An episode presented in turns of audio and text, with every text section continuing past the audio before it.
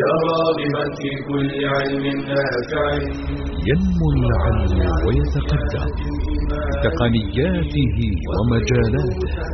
ومعه نطور أدواتنا في تقديم العلم الشرعي. أكاديمية زاد. زاد أكاديمية ينبوعها صاف.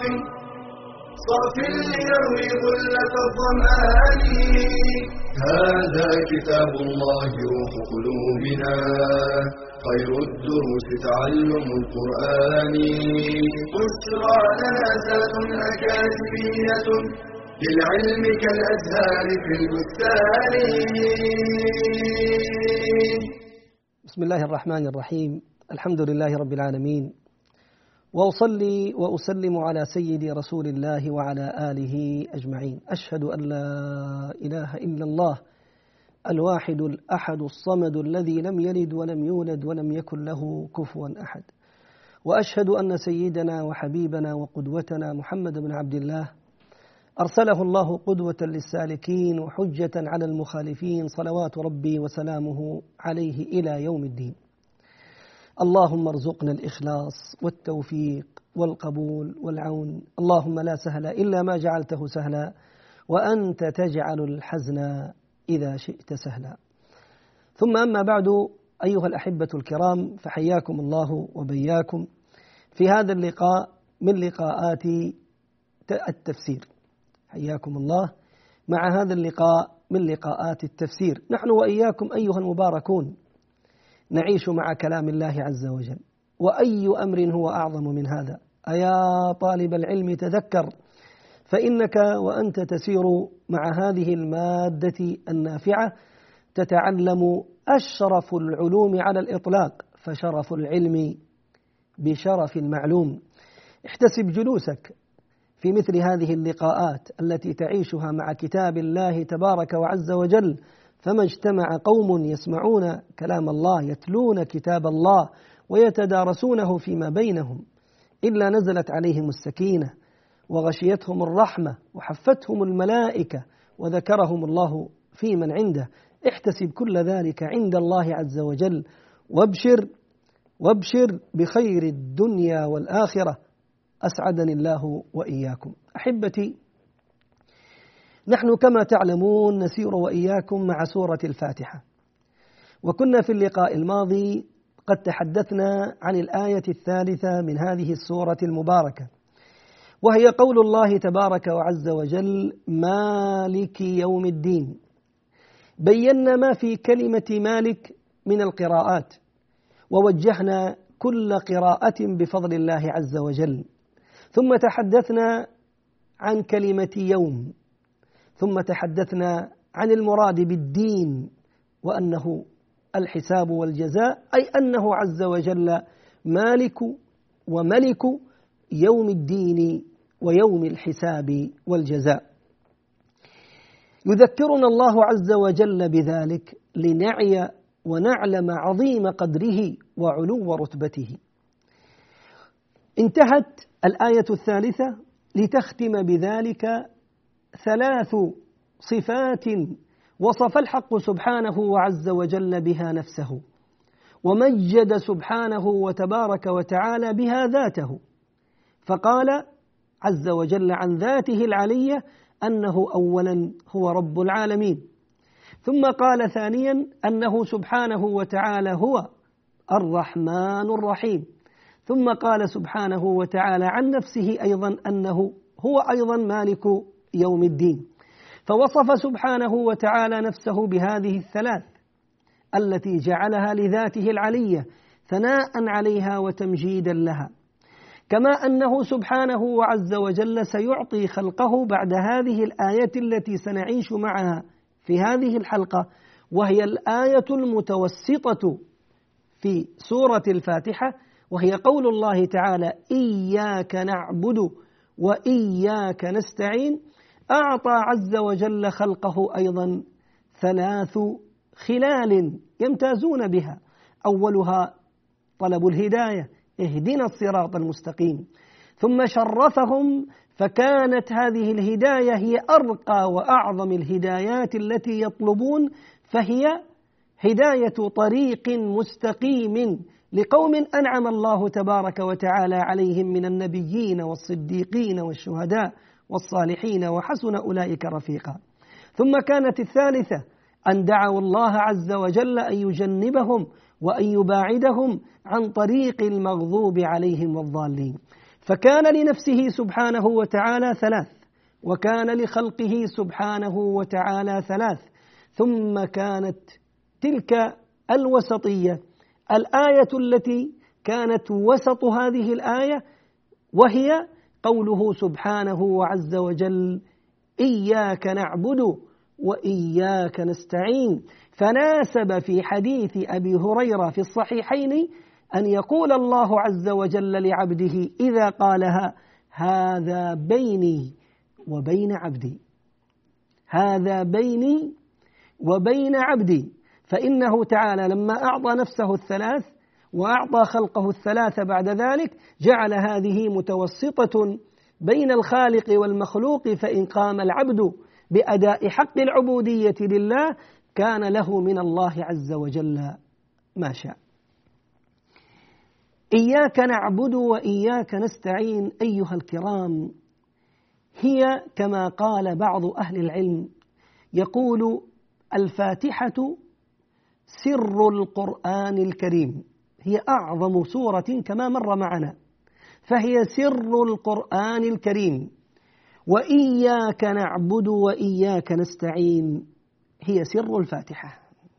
تأمل أيها المبارك تأملي أيتها المباركة تأملوا جميعا. الفاتحة هي سر القرآن الكريم. وسر الفاتحة موجود في قوله سبحانه وعز وجل وتبارك وتقدس إياك نعبد وإياك نستعين.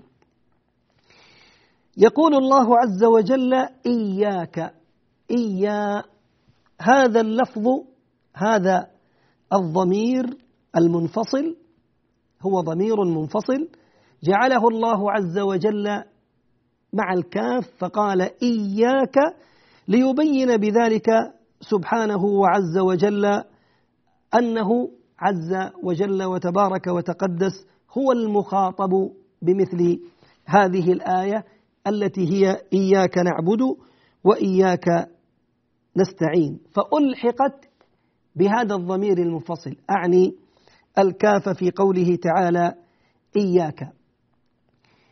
قدم سبحانه وعز وجل في هذه الآية إياك على قوله سبحانه وتبارك وتعالى نعبد وعلى قوله بعدها نستعين لعظيم شرف المعبود. فعندنا عبد سيتقرب بعبادته إلى الله تبارك وتعالى وعندنا معبود وهو الله عز وجل. فلا يليق بالعبد أن يبدأ بذكر العبد وعبادته قبل ذكر المعبود سبحانه وتعالى. فلم يقل الله عز وجل نعبد إياك لا. بل قال عز وجل إياك نعبد. فهذا فيه ذكر شرف المعبود سبحانه وعز وجل قبل هذا العبد. وفيه أيضا اختصاصه تبارك وعز وجل. ففاد هذا التقديم الحصر. في حصر العبادة له وحده تبارك وتقدس فقال عز وجل إياك نعبد وإياك نستعين وللحديث بقية إن شاء الله تعالى. بشرى لنا أكاديمية للعلم كالأزهار في البستان.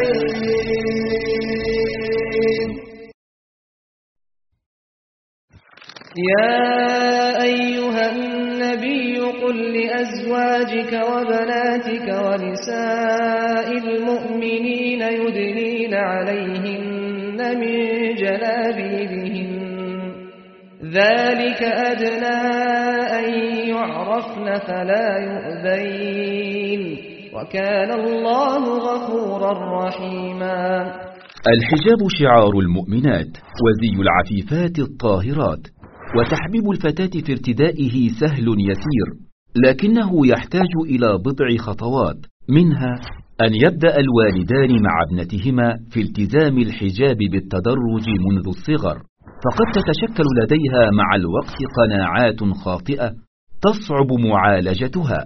أن يغرسا في ابنتهما نبتة المراقبة والخشية ويرسخا في ذهنها أن الله يرضى عن المرأة العفيفة المحتشمة المطيعة لأوامره أن يظهر إعجابهما بالحجاب وذلك بالحديث عنه كثيرا أمامها مع ذكر صفاته ومحاسنه.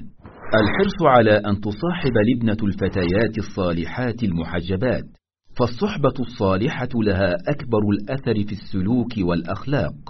أن يمنح الوالد الأم فرصة اصطحاب ابنتها لدروس العلم وحلقات القرآن إذ ينبغي أن تكون محجبة أثناء ذلك مما يعودها ارتداء الحجاب. استخدام الهدية والمكافأة التشجيعية وإعلام الفتاة أن المكافأة الكبرى إنما هي في تحصيل مرضات الله تعالى.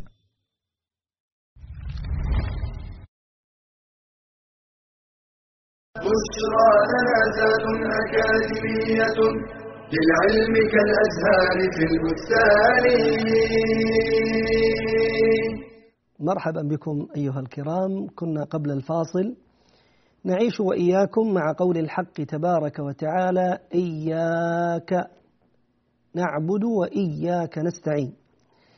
وقلنا أنه عز وجل بدأ بقوله إياك لإفادة الحصر فقدم سبحانه وعز وجل ذكر نفسه قبل ذكر عبادة عبده. فمع ما فيها من إفادة الحصر فيها كذلك عند قول العبد إياها تأدب من المخلوق مع الخالق سبحانه وعز وجل وتبارك وتقدس. ففيها قصر العبادة عليه أيضا. فيها أيضا قصر العبادة عليه دون خلقه وهذا التقديم هذا التقديم لإياك هو ما تقتضيه أو ما يقتضيه توحيد الله تبارك وعز وجل الخالص. فإذا قال العبد إياك نعبد هذه هذه هي هذا هو الإخلاص الذي يريده الله تبارك وعز وجل من العبد وسنتحدث عنه إن شاء الله تعالى بعد قليل. إياك نعبد.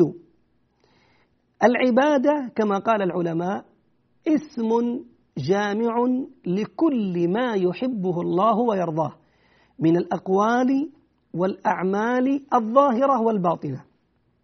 هذه العبادة. مرة أخرى. العبادة اسم جامع لكل ما يحبه الله عز وجل ويرضاه من الأقوال والأعمال. سواء كانت هذه الأقوال والأعمال ظاهرة أو باطنة.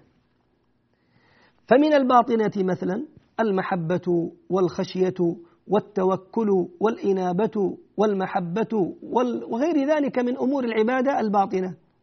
ومن الأمور الظاهرة مثلا الدعاء والذبح والنذر والصلاة وغير ذلك من أنواع العبادات التي يحبها الله ويرضاها. فكل هذه العبادات لا يتقرب بها العبد إلا إلى رب الأرض والسماوات ولهذا ناسب أن يقول إياك نعبد. وقال تعالى نعبد فذكر عز وجل هذه النون التي هي كما يقول بعض المفسرين نون الجماعة. قالوا لفائدة جميلة وهي ليبين أهمية الجماعة على الفرد. فالإسلام هو دين الجماعة.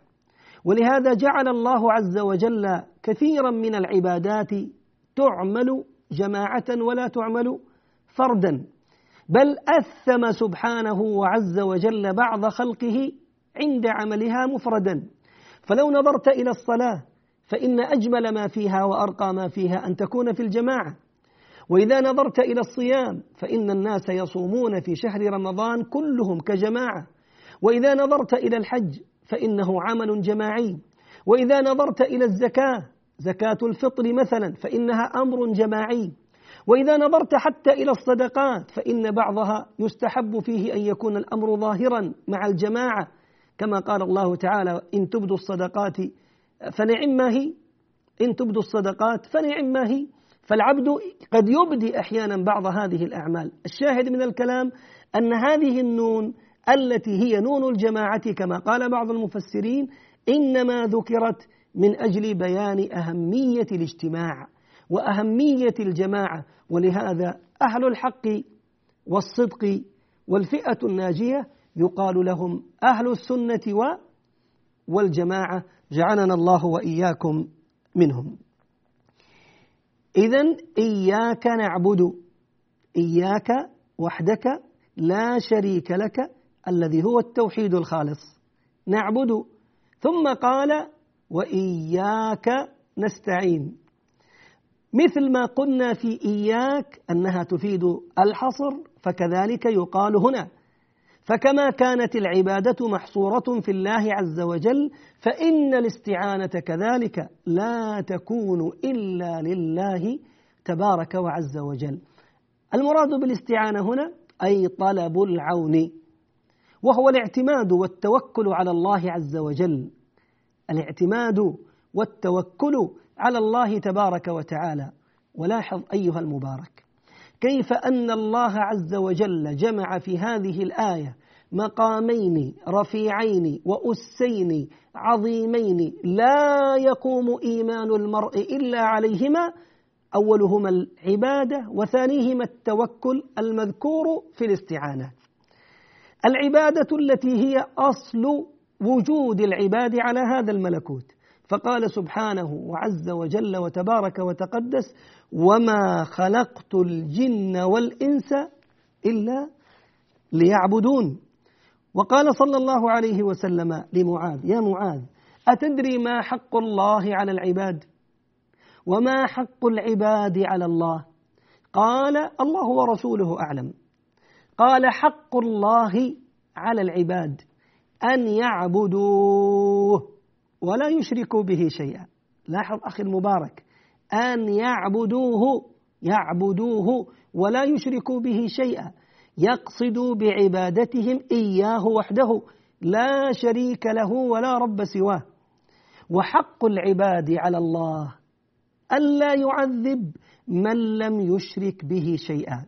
تأمل يا رعاك الله.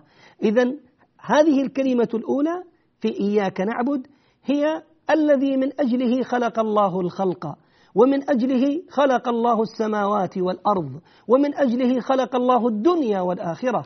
أن يعبد وحده لا شريك له ولا رب سواه وهو توحيد الإلهية أو الألوهية الذي أرسل الله الرسل من أجله. وأنزل الله تبارك وتعالى الكتب من أجله من أجل أن يعبد وحده لا شريك له ولا رب سواه. ثم جعل سبحانه وتبارك وتعالى الركن الثاني الأس الثاني وهو أس التوكل على الله تبارك وتعالى. أن يعتمد عليه في كل صغيرة وكبيرة حتى مع بذل العبد للأسباب. فإنه مع بذله للسبب لا بد أن يكون معتمدا على الله تبارك وعز وجل. الله تبارك وتعالى يعلمنا ذلك فيقول فاعبده وتوكل عليه. لاحظ يجمع عز وجل بين الأمرين فاعبده هو وحده لا شريك له ولا رب سواه. وتوكل عليه اعتمد عليه سبحانه وعز وجل. بل اسمع إليه عليه الصلاة والسلام وهو يعلق العبد بهذا الأمر العظيم. فيقول صلى الله عليه وسلم لو توكلتم على الله حق توكله لرزقكم كما يرزق الطير تغدو خماصا وتعود بطانا. أسأل الله أن يملأ قلبي وقلوبكم بصدق التوكل عليه سبحانه وعز وجل. إذا ربنا سبحانه وتعالى يقول وقوله الحق إياك نعبد وإياك نستعين. إياك إلهي ومولاي يا سيدي وخالقي إياك وحدك لا شريك لك ولا رب سواك. أعبد وإياك كذلك وحدك لا شريك لك ولا رب سواك أستعين أي أعتمد عليه في كل أمر من أموري. ولا شك أن المراد هنا في أمر الاستعانة في الأمور التي لا يقدر عليها إلا الله عز وجل. أما الأمور التي يقدر عليها البشر فلا مانع أن يستعين العبد بغيره. ولكن لو جعل كل أمره حتى في الأمور التي يستعان فيها بالبشر فيقدرون عليها. لو جعل الأمر كله لله لكان ذلك هو أعظم المقامات وأشرف الغايات. كيف لا؟ وقد بايع بعض الصحابة رسول الله صلى الله عليه وسلم ألا يسأل مخلوقا شيئا أبدا مهما كان. ألا يسأل مخلوقا شيئا حتى أن أحدهم يكون على دابته فتسقط عصاه أو يسقط سوطه فينزل بنفسه فيأخذه من شدة اعتماده وتوكله ولئلا يسأل أحدا من خلقه أي من خلق الله عز وجل شيئا حتى وإن كان من الأمور الجائزة ومما يقدر عليه غيره من الناس. إياك نعبد وإياك نستعين.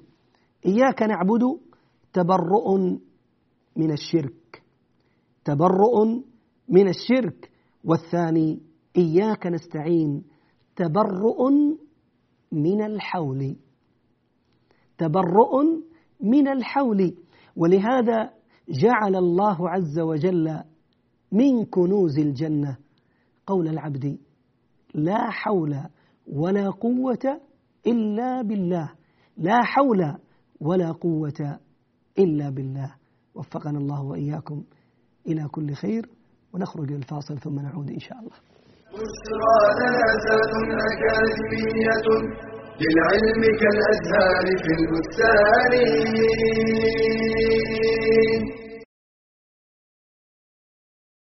أمانة عظيمة ومسؤولية كبيرة. إنها تربية الأهل والأولاد. قال تعالى يا أيها الذين آمنوا قوا أنفسكم وأهليكم نارا. قال علي بن أبي طالب أدبوهم وعلموهم. فنعلمهم العقيدة الصحيحة. قال تعالى وإذ قال لقمان لابنه وهو يعظه يا بني لا تشرك بالله إن الشرك لظلم عظيم.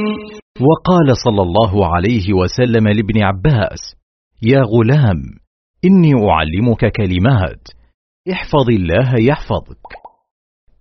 ونعلمهم حب النبي صلى الله عليه وسلم وحب أصحابه.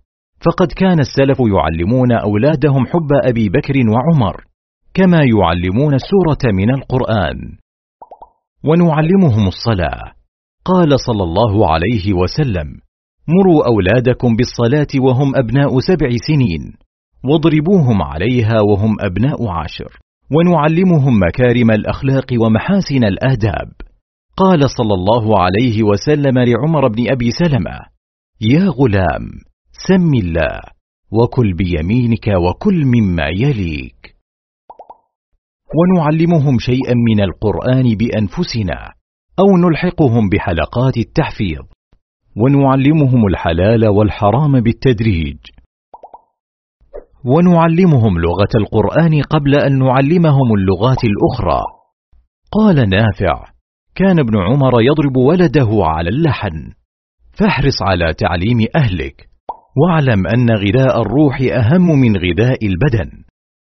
قال صلى الله عليه وسلم والرجل راع على أهل بيته وهو مسؤول عنهم.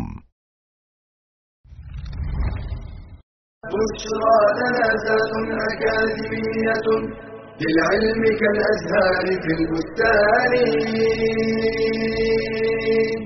حياكم الله أيها الأحبة الكرام. عدنا إليكم والعود أحمد. وكنا قبل الفاصل نتحدث ونعيش وإياكم مع قول الله تبارك وتعالى إياك نعبد وإياك نستعين. قد يسأل سائل لماذا قدم الله عز وجل في هذه الآية العبادة على الاستعانة؟ فقال تعالى إياك نعبد ثم قال وإياك نستعين. قال بعض أهل التفسير قدم الله عز وجل العبادة لأنها هي المقصود. هي المقصود وهي الغاية التي يريدها الله عز وجل من خلقه سبحانه وتعالى. ثم جاء سبحانه وعز وجل بعد ذلك بالوسيلة وهي الاستعانة. ولهذا أيها المباركون إذا لم يكن عون من الله للفتى فأول ما يقضي عليه اجتهاده. إي والله. إذا ما يعين الله عز وجل العبد ويمتعه بهذه الإعانة ويزيده منها ما استطاع العبد حتى أن يعبد الله تبارك وتعالى. ولهذا تجده عليه الصلاة والسلام يوصي صحابيا من أقرب الصحابة إليه مكانة ومنزلة. فيقول عليه الصلاة والسلام معلما له ولمن بعده.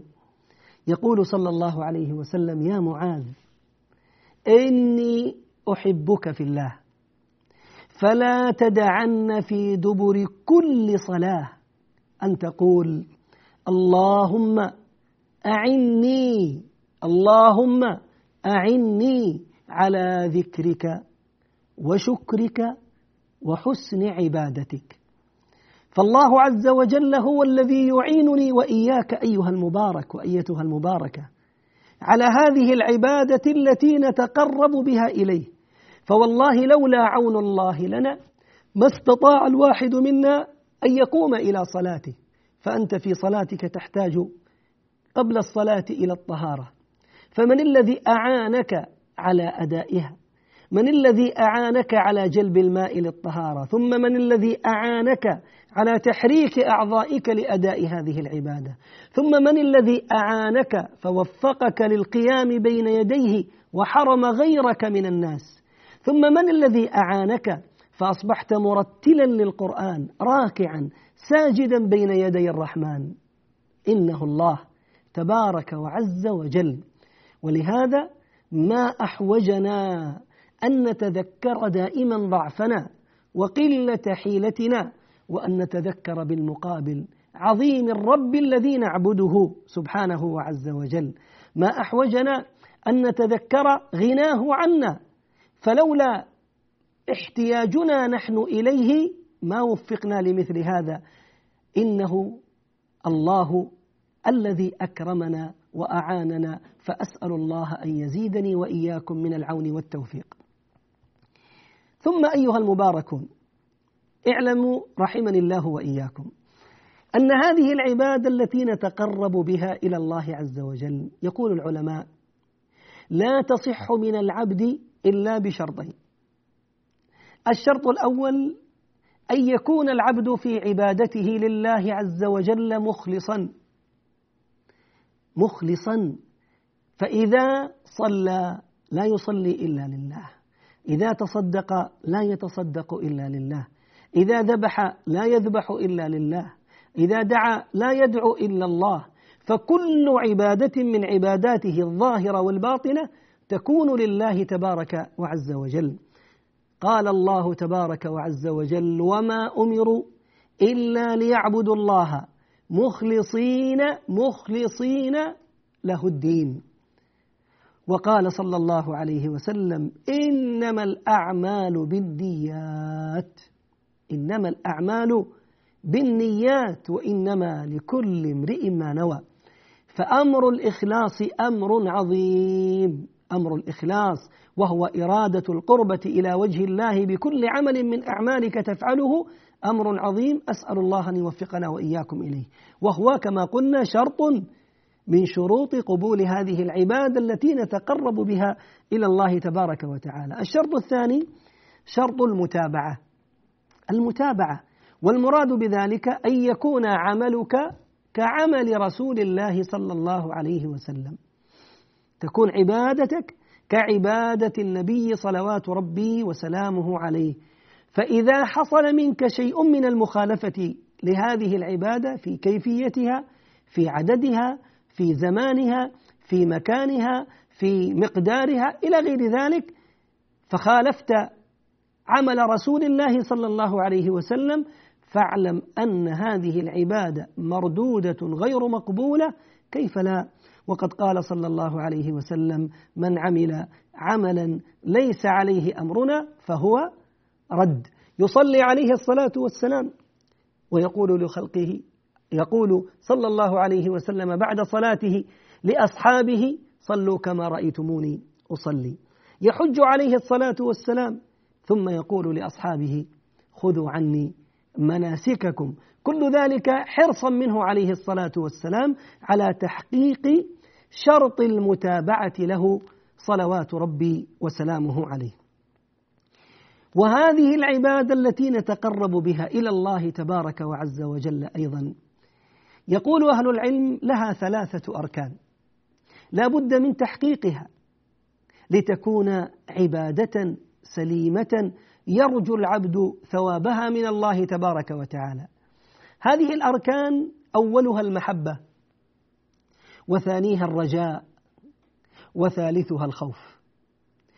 يمثل بعض أهل العلم هذه الأركان الثلاثة بطائر يطير إلى الله أو يطير في هذا الملكوت. فالرأس هو المحبة والجناحان هما الخوف والرجاء. هما الخوف والرجاء. فإذا سار العبد إلى الله تبارك وتعالى في حال عبادته محبا لله عز وجل وهو يعبده والذين آمنوا أشد حبا لله وهو يرجوه أي يرجو ما عنده سبحانه وتبارك وتقدس من الأجر ومن المثوبة ومن حسن العاقبة ومن الجنة عرضها السماوات والأرض يرجو ثواب الله سبحانه وعز وجل فإنه سيجتهد في ذلك. فإذا وازن هذا الرجاء بالجانب الثالث بالركن الثالث وهو ركن الخوف من الله تبارك وعز وجل فهو حال عبادته مشفق ألا يقبل الله تبارك وتعالى عبادته. فهو دائم الدعاء أن يتقبل الله عز وجل منه كما هو ديدن الصالحين والأنبياء قبل ذلك والمرسلين. إبراهيم عليه السلام يرفع القواعد من البيت مع إسماعيل ويقولان ربنا تقبل منا ربنا تقبل منا. رسول من أولي العزم من الرسل أبو الأنبياء والمرسلين. يبني أعظم بيت لله رب العالمين. كل كلفه الله عز وجل ببنائه وهو مع ذلك يقول ربنا تقبل منا إنك أنت السميع العليم. فهو مشفق ألا يتقبل الله تبارك وتعالى منه هذه العبادة وهذا العمل الجليل. هو مشفق من عذاب الله عز وجل في الآخرة فيكون بذلك ممن سار في عبادته. سيرا سليما. بعض أهل البدع أخذ واحدا وترك الأخرى. فمنهم من عبد الله بالحب فقط كغلاة المتصوفة مثلا. ومنهم من عبد الله عز وجل بالرجاء فقط كالمرجئة مثلا. ومنهم من عبد الله تبارك وتعالى بالخوف فقط كالخوارج وغيرهم. فأخطأ كل واحد من هؤلاء. ونال الفضل والخير من كل أطرافه أهل السنة والجماعة. فعبدوا ربهم تبارك وعز وجل بمحبته والخوف منه والرجاء فيما عنده تبارك وعز وجل. هذه الأمور إذا حققها العبد في حياته أصبح عنده عملية توازن في عبادته. فلا إفراط ولا تفريط. لا إفراط ولا تفريط. لا غلو. يبعثه ربما الخوف من الله عز وجل. يبعثه ربما الخوف الشديد المفرط من الله عز وجل حتى يصل إلى درجة الغلو والتشدد والتنطع في دين الله تبارك وتعالى. ولا التسيب والتلاعب والتضييع لأحكام الشريعة قد يبعثه أحيانا باب الرجاء بل إنه معتدل متوازن في سيره إلى الله تبارك وتعالى على منهج الوسطية. رزقنا الله وإياكم الوسطية. وجعلني وإياكم ممن حقق إياك نعبد وإياك نستعين. وصلى اللهم على سيدنا محمد وعلى آله أجمعين وإلى لقاء آخر بمشيئة الله تبارك وتعالى. والسلام عليكم ورحمة الله وبركاته. تلك العلوم دروسها ميسورة. في صرح علم الرأس الأركان. بشرى لنا بشرى لنا بشرى لنا ذات أكاديمية للعلم كالأزهار في البستان.